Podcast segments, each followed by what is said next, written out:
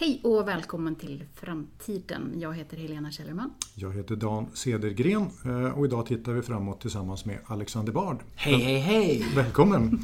Eh, cyberfilosof, framtidsforskare och författare eh, till böckerna Netokraterna, Det globala imperiet, Kroppsmaskinerna och Synteism som du har skrivit tillsammans med Jan Söderqvist. Det stämmer. Ja. Och tack för att ni har mig som man säger i USA. Ja, det är jättespännande att få lyfta blicken tillsammans med dig och fundera på vad vi har för framtid eh, framför oss. Vi, vi är helt och hållet fokuserade på, på framtiden eh, och vad som kommer hända.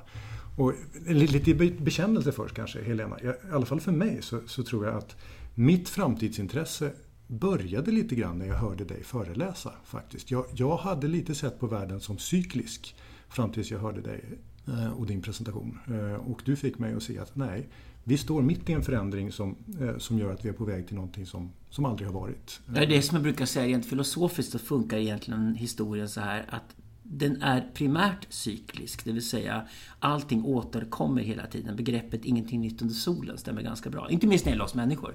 Men för varje varv som historien upprepar sig finns det alltid en liten förändring med.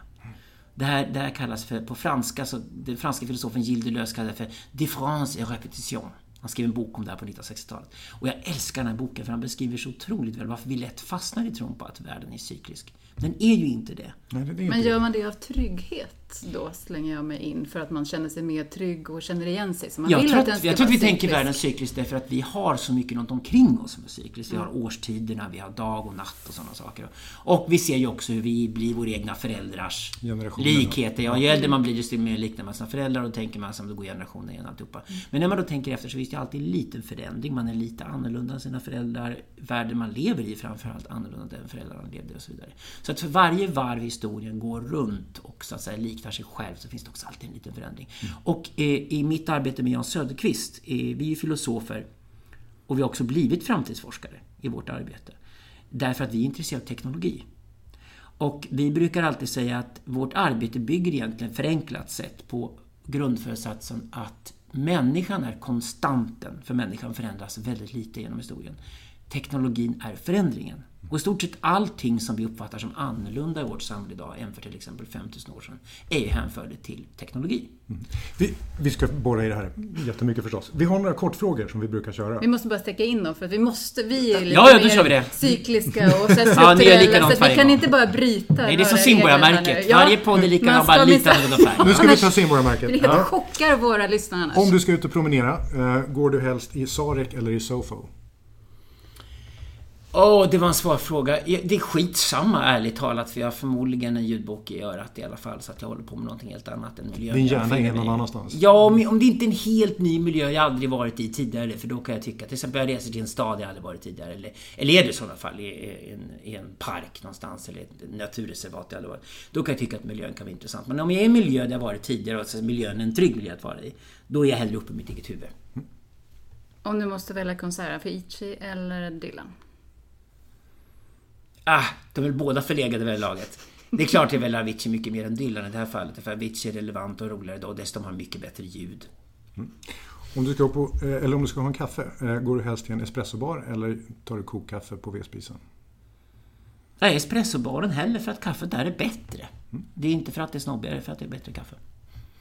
Deckare eller dokumentär? Dokumentär, absolut. Den här frågan känns om det inte är Martin Holméns deckare som jag just har läst för övrigt. Clinch, som är fantastisk. Sveriges nya stjärna. Det finns vissa deckare som är värda att läsa verkligen. Men jag, jag föredrar dokumentärer. Och tittar jag på TV så är det definitivt dokumentär och nyheter jag kollar på, inte på deckare. Sista frågan känns överflödig, men vi ställer den ändå eftersom vi är sådana regelbundna eh, knarkare av vårt format. Surfa på Hawaii eller på nyhetssajter? På nyhetssajter, absolut. Ja, Ja, det är inget fel med att surfa på Hawaii, men har man gjort det en gång så har man gjort det en gång. Surfa på nyhetssajten är annorlunda varje gång. Mm. Jag tänker plocka upp tråden kring hur man börjar tänka på framtiden. Du sa att filosof är det som du kommer ifrån och du har gått bakåt och sen så kopplar man det till tekniken och då kommer man nästan automatiskt framåt. Men hur forskar man på framtiden? Hur tittar man på framtiden? Ja, det finns ingen framtid att forska på. Du måste forska i nuet. Eh, men ett exempel på hur du kan göra det är, för att förstå till exempel hur framtidens makthavare tänker, så kan du djupintervjua dagens tonåringar. Och då hittar du helt enkelt de som redan nu visar tydliga ledaregenskaper bland 16 17-åringarna. De som är riktigt smarta, som absorberar ny teknologi, använder sin egen fördel, som visar entreprenörsanda och innovation. Gärna bråkar med sina föräldrar, vill förändra världen. Och sitter du och pratar med sådana 16-17-åringar, då kan du med väldigt stor säkerhet säga att den här personen som du sitter mitt emot kommer med all säkerhet vara makthavare om 30 år. Och eftersom den person som är makthavare om 30 år kommer den personen att ha ett inflytande, det vill säga den världsbild de företräder kommer vinna. Och på det sättet kan man ju ja, forska precis. om framtiden. Så man tittar på nuet och så gör man en spaning framåt. Och man kan ju till exempel göra så att man kan titta på hur framtidsforskning bedrivits tidigare. Vilka har varit profeter i tidigare generationer? Hur har de lyckats träffa rätt? Var det bara tur eller var det skicklighet? Vilka metoder använde de sig av? Och då upptäcker man med en gång ganska tydliga mönster. Att det fanns folk som sa 1450 att tryckpressen kommer förändra världen radikalt. Och på ett sätt som ingen tror. Och den kommer undergräva den katolska kyrkan. Och den kommer döda kungarnas diktaturer och allt möjligt. Eh, och, och det fanns folk som sa det. Det gjorde det. Det fanns folk som sa före 2006 att vi skulle få stor ekonomisk kris i världen därför att USA hade dragits in i en stor bolånebubbla som förr eller senare skulle brisera och skadeverkningarna av den här bolånebubblan skulle bli väldigt, väldigt omfattande. Det fanns folk som sa det. Och, och hittar man den här minoriteten av sanningssägare som fanns och kollar på hur de tänkte sig fram dit de tänkte sig så hittar man instrumenten för forskning. Har du några sådana? Det har jag absolut. Ja, ja, ja. Vad säger de då? Ja, men jag är nationalekonom till exempel och, och eh, Harvey Minsky från 60-talet är min favoritekonom i vår tid, men han skrev faktiskt inga böcker och det gjorde att han aldrig slog igenom brett, men han fick rätt i efterhand. Och det var just hans sätt att se på ekonomi som ett stort jättelikt flöde som egentligen ingen kontrollerar. Att han såg ekonomi nästan ungefär som vi ser ekologin idag, som ett stort komplicerat system. Men där man kan se rörelser över tiden. Och det dialektiska reaktioner på de här rörelserna också är väldigt givna. Och hans sätt att se på ekonomi visar sig oerhört fruktbart och alla ekonomer de senaste tio åren som har träffat rätt har använt hans metoder. Kommer ekonomi finnas så som vi vet den idag 2050? Ekonomi är ingenting annat än vårt kalkylerande om tillgångar. Så att det, penningekonomi, om man tänker på det, det är ju en form av ekonomi. Men vi kan ju ha ekonomi som handlar om socialt kapital. Eh, det finns en viss ekonomi som finns på datingsajter. Så det finns resurser och man Då är det erotiskt kapital ja, vi pratar om. Det är bytesvaran. Liksom. Ja, när vi pratar om kapital bemärkelse så pratar vi om resurser som i vissa fall går att byta och i andra fall inte går att byta också. Humankapital går ofta inte att byta. Utan det blir en tillgång om du själv företräder det, men är du inte i rummet så finns inte tillgången till det. Så att ekonomi är ju egentligen ingenting annat än läran om hur eh, enskilda och gemensamma resurser fördelas. Ja, jag skulle vilja lite grann tillbaka till 1450 eh, och eh, det som hände med världen då när boktryckeriet eh, uppfanns och revolutionerade världen. Men, det, det tog ju ett bra tag. Det tog ju ett par hundra år innan man såg de fulla effekterna av det. Var skulle du säga, för, att du driver ju tesen att vi befinner oss i en lika stor revolution nu. Men det går fortare nu. Drivet av internet. Men precis, tillbaka till den tidsfaktorn då. Som hur, var befinner vi oss i förloppet av revolution skulle du säga? kopplat till det går snabb, internet. Det går snabbare och snabbare. Om du till och med går tillbaka ett, ett steg före tryckpressen, den föregående revolutionen av samma dignitet var skriftspråkets ankomst för 5000 år sedan. Axialåldern, där så att säga, tänkandet som kom ur användningen av skriftspråket började slå igenom. Den kommer först då 500 f.Kr. ungefär slår den igenom. I Asien och Europa parallellt samtidigt. Och då har det alltså gått 3500 år innan det händer i sin tur. Så att vi börjar nu närma oss en punkt eh, där, där, där den här utvecklingen går nu så snabbt att vi kan prata om decennier där vi ser effekterna av en sån här stor revolution som tryckpressen var. Och vad jag menar med att tryckpressen och internet är, är de här enormt stora revolutionerna är att de förändrar spelreglerna i grunden. Förändrar de spelreglerna i grunden så innebär det att då måste vi omdefiniera vad det innebär att vara människa. Vi måste omdefiniera vad det innebär att det finns en värld och hur den världen är strukturerad. Så att allt rivs upp och måste omdefinieras. Även metafysiken måste göras om så att säga. Och resultatet av tryckpressen rent ideologiskt, det var självklart upplysningsfilosoferna som kom på 1600 och 1700-talet. Och först i Frankrike och Tyskland. Och sen fick hela världen börja apa efter dem. Indialismen, humanismen, kapitalismen, alla stora ismer vi egentligen tänker oss, som vi uppfunnit de senaste 300 åren, börjar ju på 1600-talet. Och de är alla resultatet av att vi helt plötsligt får ett samhälle där enskilda människor sitter och läser en bok eller en tidning eller utväxlar papperssedlar mellan varandra. Allting från denna samma maskin, tryckpressen. De uppfinningarna som alla kommer ur en och samma apparat förändrade världen radikalt. Och själva definitionen av det att vara människa var vi tvungna att göra om. Och, och, och, det som hände då har ju på något sätt strukturerat hela världen så som vi känner den idag. Ja. Uh, och, och, vilka stora förändringar ser du att vi har framför oss? Uh, vilka, vilka strukturer kommer falla? Vilka strukturer kommer behöva rivas för att vi ska hitta en ny samhällsordning som, som funkar med det sätt som, som världen funkar nu när internet finns här? Oh, det är enorma förändringar vi pratar om. Um, konkret, sexdagarsveckan blev femdagarsveckan. Femdagarsveckan ryker idag. Idag pendlar vi 3,8 dagar i veckan till jobbet. Det betyder att modellen vi bygger städer där vi har förorter och innerstäder är helt död. Det finns ingen ung människa idag som kommer att leva med den sortens pendlande i framtiden. Alla kommer förutsätta att vi kan, vi kan riva det nu på en gång. Mm. Det här kommer innebära större ombyggnader av världens städer än vad klimatförändringarna någonsin kommer att leda till. Mångdubbelt större.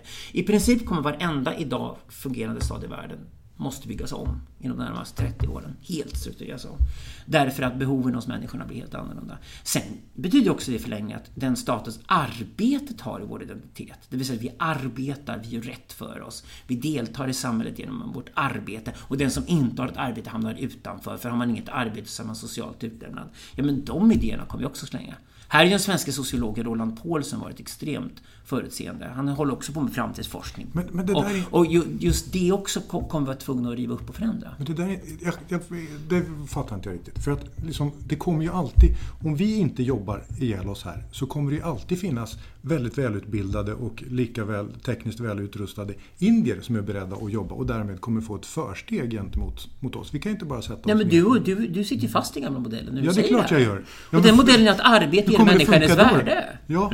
Men nej, det är ju nej, det som är, Jo, det är det du säger. Du säger tänk om vi blir med våra jobb, då går det åt helvete för oss. Det vill säga, om jag inte får jobba har jag inget värde som människa. Du säger ju det, precis det du säger. Ja, framförallt tänker jag att jag inte får de ekonomiska resurser som Vem har sagt att du måste ha mycket pengar i framtiden? Vem har sagt att det kommer ge dig ett värde? Du förutsätter att människor vill ha mycket pengar, för pengar ger dem den frihet de vill ha, annars får de ingen frihet alls. Vad händer om friheten är gratis? Det finns ju ingenting du gör på internet idag som kostar pengar. Det kostar inte pengar att göra en podcast. Det kostar inte pengar att bygga en hemsida. Det kostar inte pengar att starta ett Facebook-forum. Det kostar inte pengar att öppna ett Gmail-konto.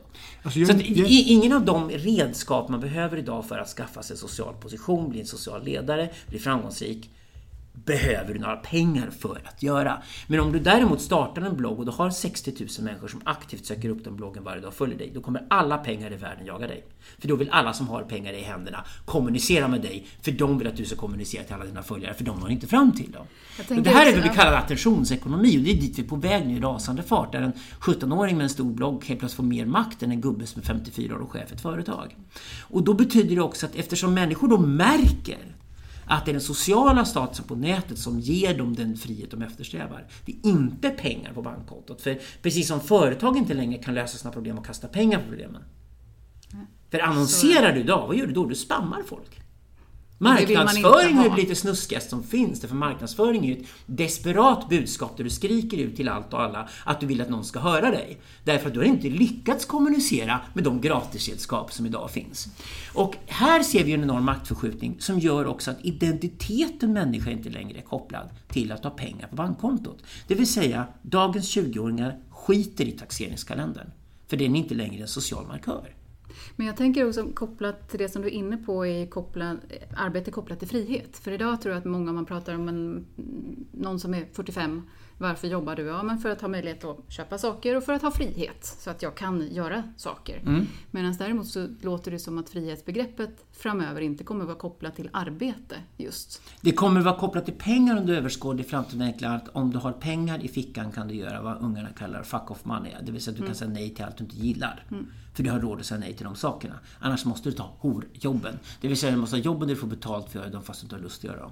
Och, och den inställningen är helt korrekt. För det, vi har ju fortfarande en infrastruktur i samhället där du måste ha pengar. Eller så här är det. Om du kan betala din hyra har du frihet att göra vad du vill i övrigt. Det är, liksom, det är den enda maximen vi är överens om i samhället fortfarande som gäller för alla. Men, kommer inte den Men det är bara en grund. Det är bara en grund. För att om, du, om, om du har ditt boende fixat och sen är det i stort sett att ha din laptop och din smartphone uppkopplad hela tiden. Det är de fundamentala sakerna för en människa idag. Och sen ska du ha lite käk på bordet. Om du har klarat av de sakerna, då kan du egentligen ställa ett stort frågetecken för allt det där andra. Behöver du verkligen ha ett nytt japanskt kök i ditt hushåll vart fjärde år? Och jag tror den sortens tomkonsumtion som vi håller på med idag, den här lyxkonsumtionen, den använder vi oss av därför att vi har stora existentiella tomrum. Och det intresserar intresserade oss att filosofer utforska, göra om Freuds projekt och så vidare. Det är för övrigt vår femte bok som jag ska skriva. Och det är att titta närmare på varför vi fyller upp de här existentiella hålrummen. Jo, det är bara för att vi är programmerade att tro att vi ska jobba hårt för att tjäna pengar och pengarna ska vi använda till en konsumtion som egentligen bara är tom. Istället för att våga säga att jag tjänar bara så mycket pengar jag behöver, får ut ännu mer frihet. Men då ställs vi inför den stora existentiella frågan och det är vad ska jag göra med all denna frihet? Hjälp! Och vem blir jag utan min jobbtitel? När man Precis, inte bara kan för det är jobb. bara en minoritet av människor som klarar av att hantera mycket frihet. Jag vill tillbaka till det här med om, om våra städer kommer se annorlunda ut, för jag kopplar också det till just det här, man kanske inte behöver äga så mycket framöver. Man kanske inte behöver äga sitt boende. Man kanske hyr in sig tre månader i New York och fyra månader någon annanstans. Jag vet att du har nämnt någon gång att den här postlådan och det egna hemmet kommer inte bli lika viktigt. Ditt hem är ju på nätet framöver. idag. Din ja. Facebook-sida är ju mycket mer din adress idag än din postadress för du får ingen post längre. Förutom spammen då? Ja, spammen det hamnar i mailkorgen. Och mailkorgen följer dig på din laptop eller din smartphone vart i världen du reser. Mm. Det finns ett maxim runt där och det är “Wherever my laptop is, that's my home”. Mm. Och så lever ju redan den unga generationen och det kommer de göra också. Men tittar man på ett fenomen som Airbnb, vilket jag tycker man ska göra när man tittar på stadsplaneringen idag. Inte för att allt blir Airbnb, men bara för att där kommer det nya in. Då är det så att Airbnb är byggt så att du måste ha ett lägenhetskontrakt någonstans i världen på en hyfsat attraktiv plats som du har som din pott som du stoppar in i det hela. Och sen, det här är min insats. Den lägenheten ska inte vara väldigt personlig. Den lägenheten ska inte ha ett nytt japanskt kök vart fjärde år. Den lägenheten ska bara vara funktionell. Det, det viktiga är att den har ett kök som funkar, den har ett kylskåp som fungerar, den har ett badrum som fungerar. Det finns en stor skön säng att sova i. Det finns en stor skärm av något slag som man kan sätta ut på nätet. Och sen har man framförallt ett snabbt, ultrasnabbt bredband i lägenheten. Och har man de komponenterna då kan man sätta ut den på den här marknaden och då finns det människor som vill bo i den lägenheten under veckor eller månader varje år. Och du själv kan vara ute och resa så mycket som möjligt. Och det här nya nomadiska resandet det kommer komma väldigt, väldigt fort för det, det appellerar till oss människor. Appellerar det till alla och är det ett samhälle för alla eller kommer vi få ett skiktat samhälle där vissa blir nomader och vissa blir stationära servicepersoner? Ja, vi delar upp eh, vi pratar ju om netokrater och konsumtärer i våra böcker. Netokraterna är de som kommer att dra nytta av det här och det är till att börja med en minoritet som är intresserade. Men det är en väldigt inflytelserik minoritet. För det här är minoriteter som styr på nätet. Det är den minoriteten från vilken alla entreprenörer kommer. Det är den här minoriteten från vilken alla kreatörer kommer i det här samhället. De som har det högsta värdet i samhället, har den starka sociala statusen, kommer alla vara netokrater. Så de kommer ändå vara ett ideal som många andra kommer försöka efterleva.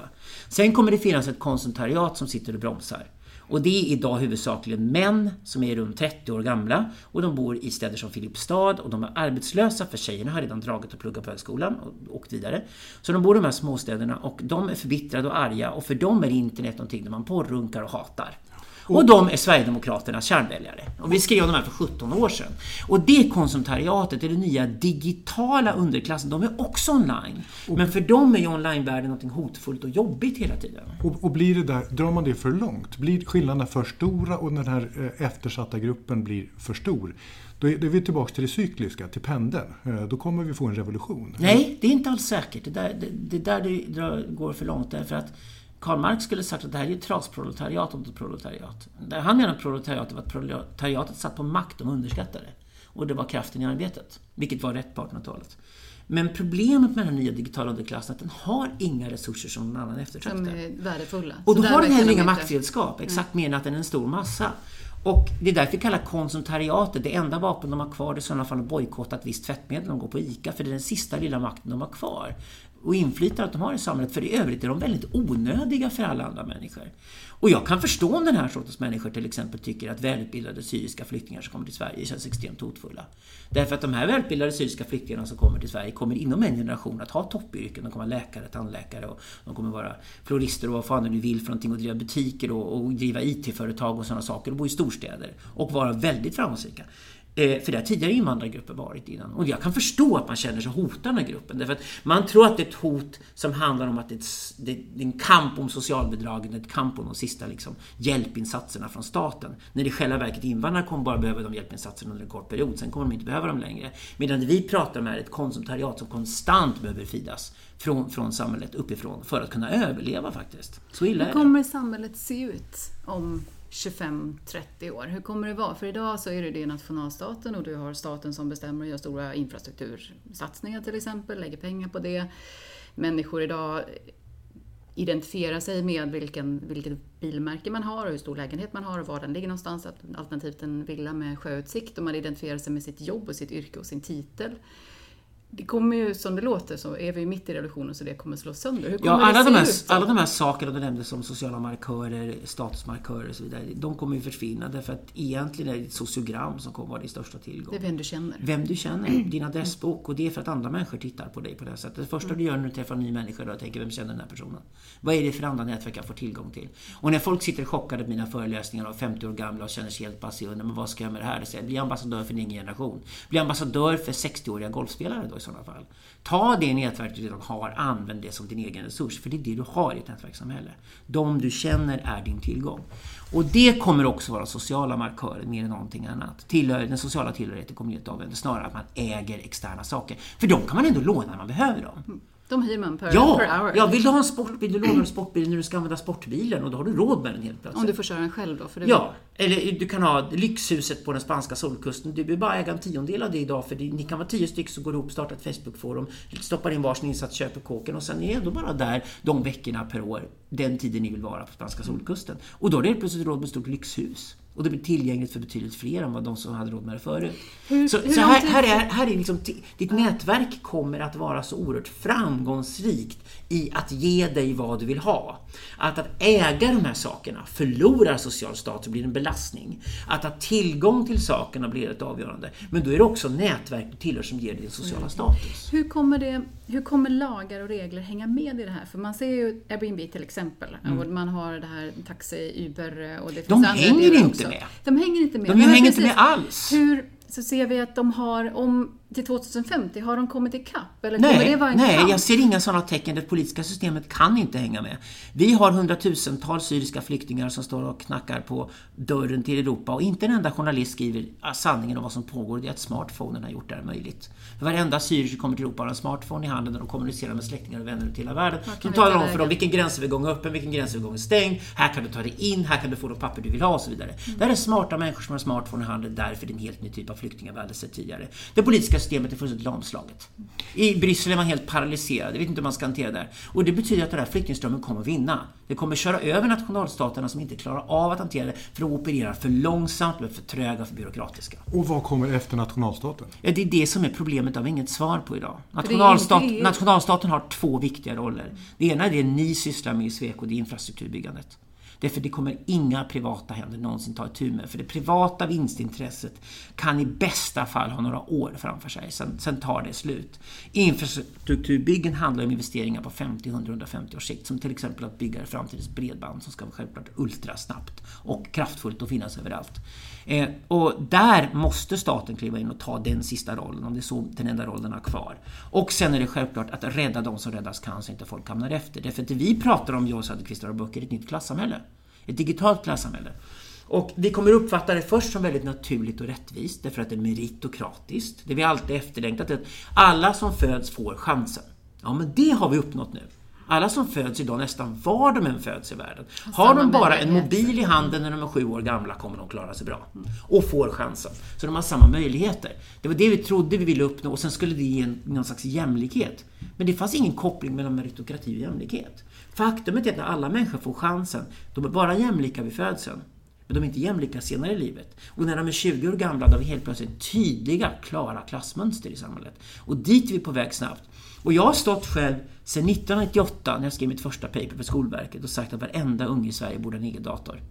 Det, det är det minsta staten skulle fixa. Tror ni vi har det 2015? Nej då. Vi hade Jan Björklund tills nyligen som skolminister som skröt med att han stängde av, stängde av sina tonåringars datorer. Så illa är det i Sverige. Vi är efter på det här området. Vilka är det som är längst fram då?